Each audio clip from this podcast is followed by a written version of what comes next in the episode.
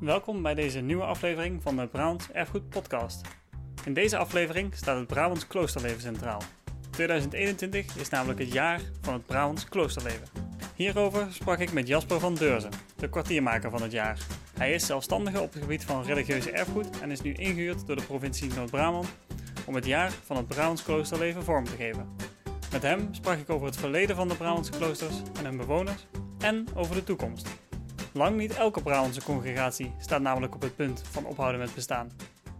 Uh, Jasper, heel erg fijn dat je tijd hebt om uh, even te gast te zijn in deze podcast. Ja, leuk om uh, mee te mogen doen. 2021 is het jaar van het Brabants kloosterleven en jij bent daarvoor uh, kwartiermaker, zoals dat best wel chic heet. Wat betekent dat precies, het jaar van het Brabants kloosterleven? In 2021 proberen we extra aandacht te schenken aan de geschiedenis van het kloosterleven in Brabant. Mm Provincie Noord-Brabant is initiator van dit project.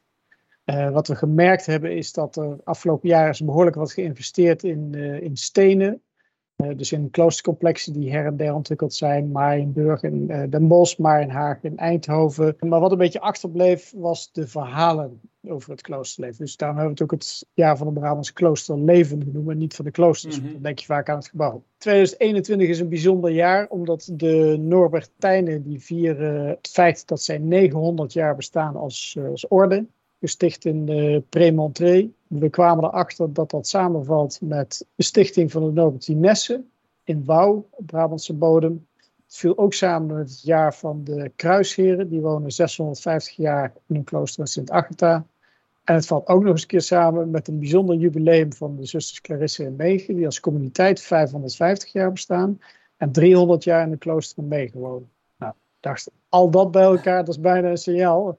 Daar moeten we iets mee. Ja, een hele hoop uh, samenvallende jubilea. Ook, uh, het is meteen wat, wat interessant dat die uh, Norbertines in Brabant echt ontstaan zijn of gesticht zijn dan. Ja. Als orde. Dat wist ik niet. Dat is, dat is, een mooi Brabants verhaal is dat. Maar zo zijn er wel meer mooie Brabants verhalen ben ik achtergekomen als het gaat om het kloosterleven. Mm -hmm. En ja, dat is gewoon...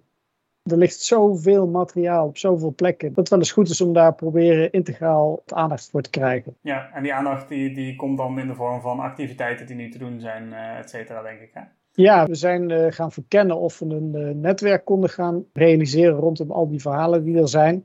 En dat 2021 in die verkenning kwam dat naar boven. Ik dacht, oh, dat is eigenlijk een hele mooie aanleiding om iedereen daarop bij elkaar te halen. En daar hebben we dus een aantal dingen gedaan. We hebben een programma voor dit jaar hebben we neergelegd. Helaas hebben we een aantal dingen moeten aanpassen vanwege corona. Maar er komt nog ook heel veel. We hebben geprobeerd de kloosterproducten onder de aandacht te brengen. Uh, we hebben een kloosterpad uh, waar we mee bezig zijn.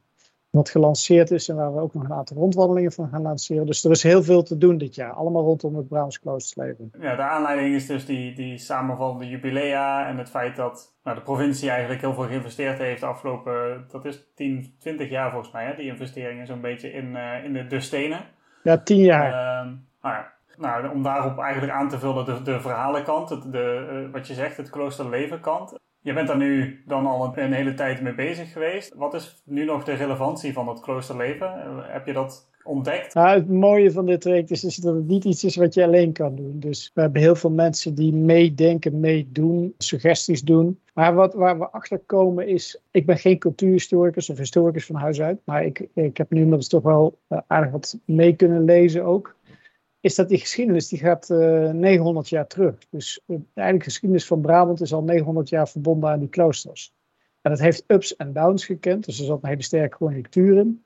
Maar hij was altijd aanwezig, hij is nog altijd aanwezig en hij zal aanwezig blijven, denk ik. En het heeft een behoorlijke invloed gehad op allerlei terreinen, ook in Brabant. Dus uh, zorg, flink aantal ziekenhuizen is gesticht met congregaties onderwijs. Er zijn flink wat onderwijsinstellingen in Brabant die uh, te koppelen zijn aan de oorsprong in het religieuze. Uh, maar ook bijvoorbeeld de ontwikkeling van de agrarische sector. Pater van den Elzen, Norbertijn, die een belangrijke betekenis heeft, ja, gespeeld in die geschiedenis. Dus je ziet, dat zijn de grote verhalen, maar ook, er zijn ook kleinere verhalen. Waarbij je ziet dat er een verbinding is tussen het maatschappelijk leven in Brabant. En die, die, ja, die achtergrond met die kloosters en, en abdijen moet je er dan bij zeggen. En welke, als we het hebben over die 900 jaar eigenlijk Brabantse kloostertraditie, als we het even zo mogen noemen. Die overigens verwarrend genoeg in Berne begint, wat nu in Gelderland ligt. Wat ik altijd heel erg uh, irritant voor aan ligt. Want dat is dan het eerste klooster wat op Brabants grondgebied gesticht wordt. Maar inmiddels is dat geen Brabants grondgebied meer. Maar staat de abdij van Berne wel weer in Brabant. Want die abdij heeft zich ook nog eens verplaatst. Ja. Welke hindernissen zijn er dan geweest in die 900 jaar? Ah, het is wel mooi dat je die, uh, zeg maar de abdij van Berne, want die is inderdaad genoemd naar het dorp Bern, wat nu ten noorden van de Maas ligt. En professor ja. Bijsterveld die weet, weet exact hoe het zit. Maar het is de eerste klooster echt op hedendaagse Brabantse bodem was in 1146, mhm. als ik goed zeg. Priorij Hooidonk bij Nederwetten. Uh, je ziet op allerlei terreinen zie je, dat, uh, zie je dat terugkomen. En ja, dat is begonnen in de middeleeuwen met de opkomst van met name abdijen. Die begonnen met ontginnen. En eigenlijk bijna uitgroeiden tot zelfstandige dorpen, uh, zelfvoorzienend, vaak met een boerderij en dergelijke. En dan mm zo'n beetje, ja, wat later in de middeleeuwen ontstaan daar kloosterorden in en nabij de stad. Dat zijn vaak bedelorden. Drie jaar na het mhm. overlijden van Franciscus waren er al uh, Franciscanen in Den Bosch. Dus dat is echt wel heel bijzonder ook. Dat is heel snel. Ja, en die, die vestigen zich in de stad. Dan zie ik dat zo'n stad komen heel veel religieuzen te wonen. En op een gegeven moment krijg je ten tijde van de reformatie, en nou ga ik echt met uh, zeven mijlslaars er doorheen, maar mhm. ehm, dus wordt dat in ieder geval de sta uh, staat, uh, staat in Nederlanden wordt het niet meer getolereerd. En krijg je de refugie, waarbij kloosters hun hel zoeken over de grens, maar ook in Noordoost-Brabant. Dus er zijn een aantal heel bijzondere kloosters te vinden in ja, voormalige, uh, ja, bijna vrijstaatjes zou je kunnen noemen. Het land van Gemert, het land van Ravenstein, graafschap Megen. Waarbij die kloosters zich daar vestigen. En het frappante is dat je nu ziet dat die vaak ook nog worden bewoond door contemplatieve orden. En die eigenlijk hmm. ook aangeven dat zij doorgaan. Dus daar zit, wat dat betreft toekomst, zit daar ook een groot deel. Uitzondering hebben natuurlijk ook, hè, Oosterhout met de Heilige Driehoek en Zundert, waar ook trappisten zitten je ziet dan dat die kloosters, uh, die overleven daar eigenlijk. En dan na de reformatie zie je dat er een enorme opkomst is, waarbij die religieuzen van over de grens ook uh, zich gaan bemoeien met maatschappelijk leven in Brabant. Wat in één keer leidt tot stichting van moederhuizen met satellietkloosters er rondomheen. En we zitten nu eigenlijk in een omgekeerde beweging. Dus die, die opkomst van die actieve orde, die zich zijn bezig gehouden met de zorg voor, voor zwakken en de samenleving, die is nu op zijn retour. Dus vaak zijn vanuit zijn moederhuis meerdere satellietkloosters gesticht. Uh, neem bijvoorbeeld zusters Frans Canesse en Vechel. Die hebben op meer dan 40 plaatsen daarna kloostertjes gesticht. En die zitten nu eigenlijk weer terug op het moederhuis en die zijn nu in de fase van voltooiing. Dus dat, die actieve mm. religieuzen die hebben midden jaren 60 geconcludeerd dat het overgenomen werd door stichtingen en dergelijke. Dat is dan vanaf 1800 hè, dat uh, de kloosterorders weer in de, de rest van Brabant, om het even zo te zeggen, weer actief mogen worden. Omdat het daarvoor alleen in die uh, vrije heerlijkheden, die aparte landjes zoals Raafstein en Megen uh, is. Omdat dat dan formeel niet tot de Republiek van uh, de Nederlanden hoort. En daar het katholicisme nog wel openlijk en publiek beleden mag worden vaak. En dus je ziet, in 1806 hebben we nog 15 kloosters in heel Nederland. Die zijn allemaal in Brabant. Mm -hmm. En dan tussen 1820 en 1850 krijg je een negentiental zustercongregaties die gesticht worden.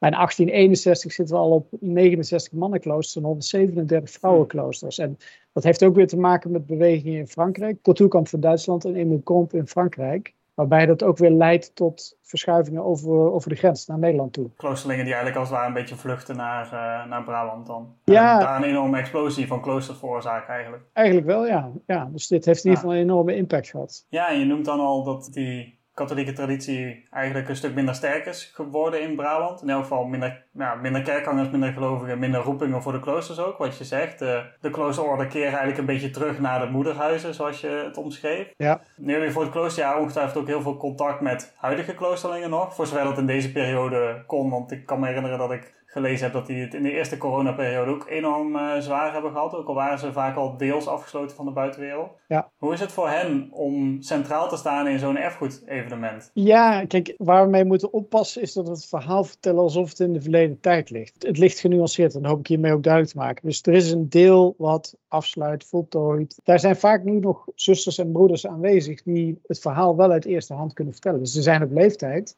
Maar ze kunnen heel goed vertellen wat er is gebeurd in die periode. Ze zitten vaak 60, 70 jaar, soms al 80 jaar in een klooster. En kunnen dus uit eerste hand overleven wat er in dat klooster gebeurde in die tijd. Tegelijkertijd hebben we dus een aantal kloosters, maar het zijn meer de contemplatieve, dus die, die doorgaan. We hebben contact met, uh, met allemaal. De nadruk uh, lijkt te liggen op degene die doorgaan, maar dat komt een beetje wel bij het kloosterpad ervoor gekozen hebben. En dat is met name de laatste tijd nogal in het nieuws geweest. Voor de hmm. kloosters die doorgaan. Dus daar kom je automatisch op die meer contemplatieve. Maar tegelijkertijd zoeken we ook contact met de andere congregaties om te horen van ja, waar kunnen we mee verbinden en dergelijke.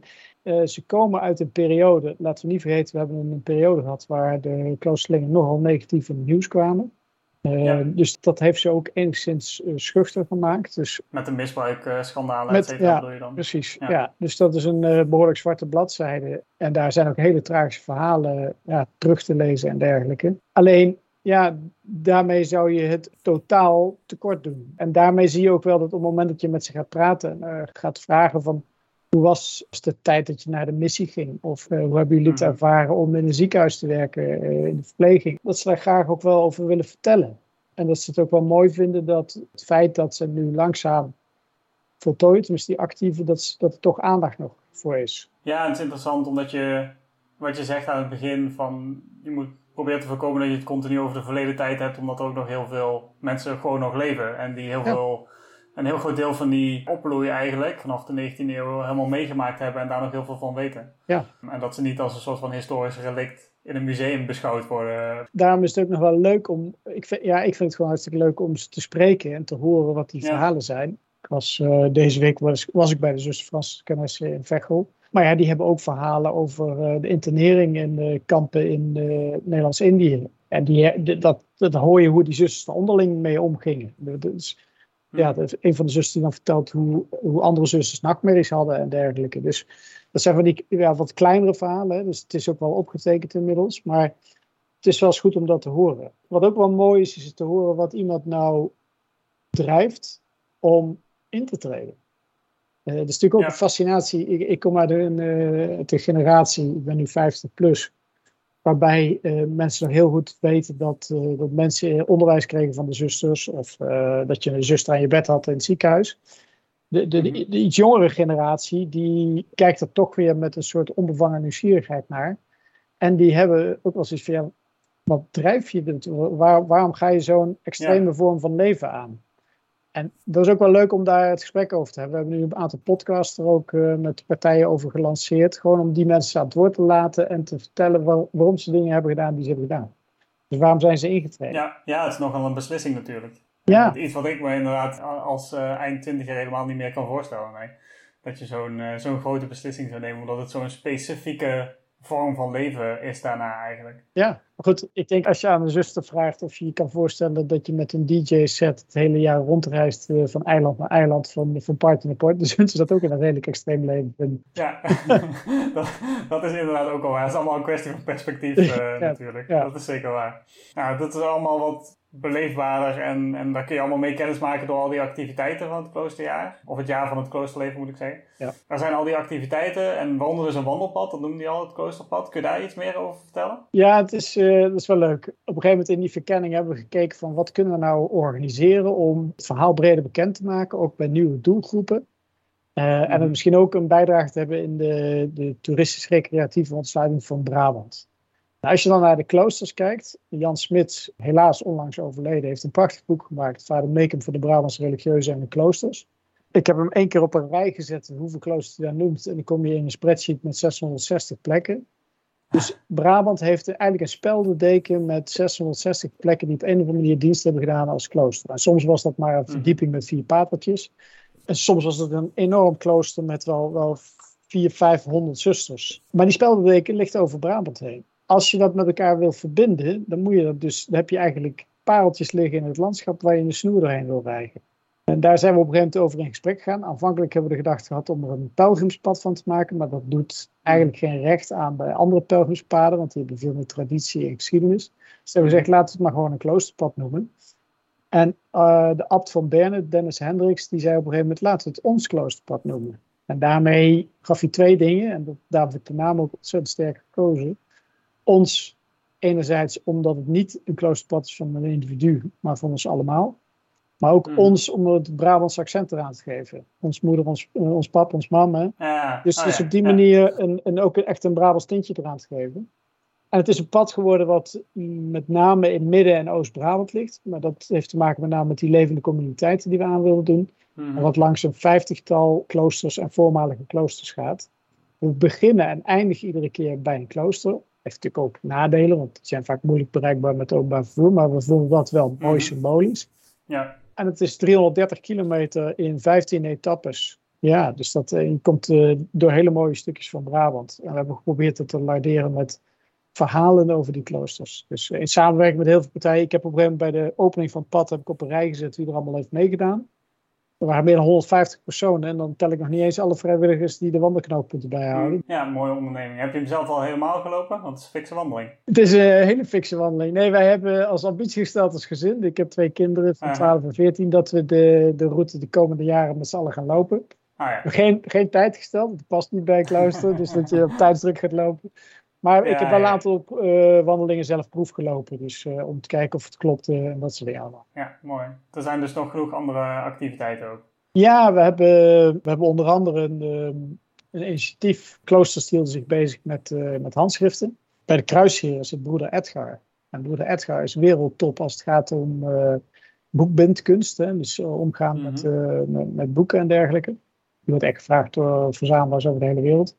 En eh, dan gaan we eh, handschriften verzamelen in een mobiel scriptorium. Dus daar reizen we rond mee in Brabant. Waarbij we vragen Brabant een stuk tekst over te schrijven. En met Graphic Matters wordt dat straks omgezet in een soort typografie. Dus een lettertype waarmee we de straatkrant eh Sammy gaan drukken. Hmm. En die geven we uit in december, dus eh, kersteditie. Ja, dat, is, dat is een voorbeeld, dus daar kun, daar kun je als Brabant kun je daaraan meedoen. We hebben een, een theatervoorstelling die rond gaat reizen. Gaat onder andere ook op de boulevard gaat die komen, in Den Bosch. Maar die reist ook rond. We hebben één editie al gedaan in het eh, klooster Marienhaag in Eindhoven over sterfelijkheid. Maar dan zetten we iedere keer één thema vanuit die kloosterwaarde zetten we centraal. Nodigen we een religieuze uit, maar ook allerlei andere partijen die daarover eh, vertellen. Juist om te kijken of we daar de verdieping in kunnen vinden en de inspiratie voor de komende tijd. Ja. Nou, het zijn twee voorbeelden, er is, er is veel meer. We, ge- we willen een aantal mensen de kans geven om juist mensen die niet zo snel in een klooster komen, om 24 uur in de klooster mee te maken. Dat hebben we allemaal een beetje moeten uitstellen vanwege corona, want er zijn Ja, inderdaad heel veel uiteraard, sterfgevallen ja, ja. geweest. Dus eh, tal van activiteiten waar, eh, waar mensen aan kunnen, kunnen deelnemen. Die kunnen mensen dan vast terugvinden vinden op de website ook. Die zal ik in de, op de afleveringspagina zetten, net als de podcast eh, die je net noemde. Zodat mensen die daar eh, makkelijk door kunnen klikken vanuit deze podcast. Ja, heel goed. Voor nu heel erg bedankt. Ik ben heel erg benieuwd naar eh, de wandeling en alle andere activiteiten. En dan uiteindelijk de afsluiting straks weer aan het einde van dit jaar natuurlijk. En eh, alle resultaten en alle verhalen die mensen hebben eh, opgedaan. Ja, en ik wil ook iedereen uitnodigen. Zoek het op. Hè. Kijk of je daar een connectie mee kan maken. Het is uiteindelijk ook een netwerk wat het verhaal moet gaan dragen. En ook, ik denk ook naar toekomstige generaties toe dat het belangrijk is. Ja, Maar dank ook voor de podcast. Leuk om dit te doen, Robin. ja fijn dat je er was. En dankjewel. Alsjeblieft. Over het jaar van het Brabants kloosterleven lees je meer op brabantskloosterleven.nl. Achtergronden bij deze aflevering vind je op de afleveringspagina op brabantserfgoed.nl slash podcast. Daar vind je ook alle andere afleveringen van de Brabants Erfgoed podcast, net als op je favoriete podcastplatform. Vergeet ons daar dus niet toe te voegen en je krijgt de volgende aflevering vanzelf in je feed. En als je deze podcast nu de moeite waard vindt, laat dan meteen even een review achter. Wil je op de hoogte blijven van al het nieuws dat op brabantserfgoed.nl verschijnt? Abonneer je dan op onze nieuwsbrief via brabantserfgoed.nl slash nieuwsbrief.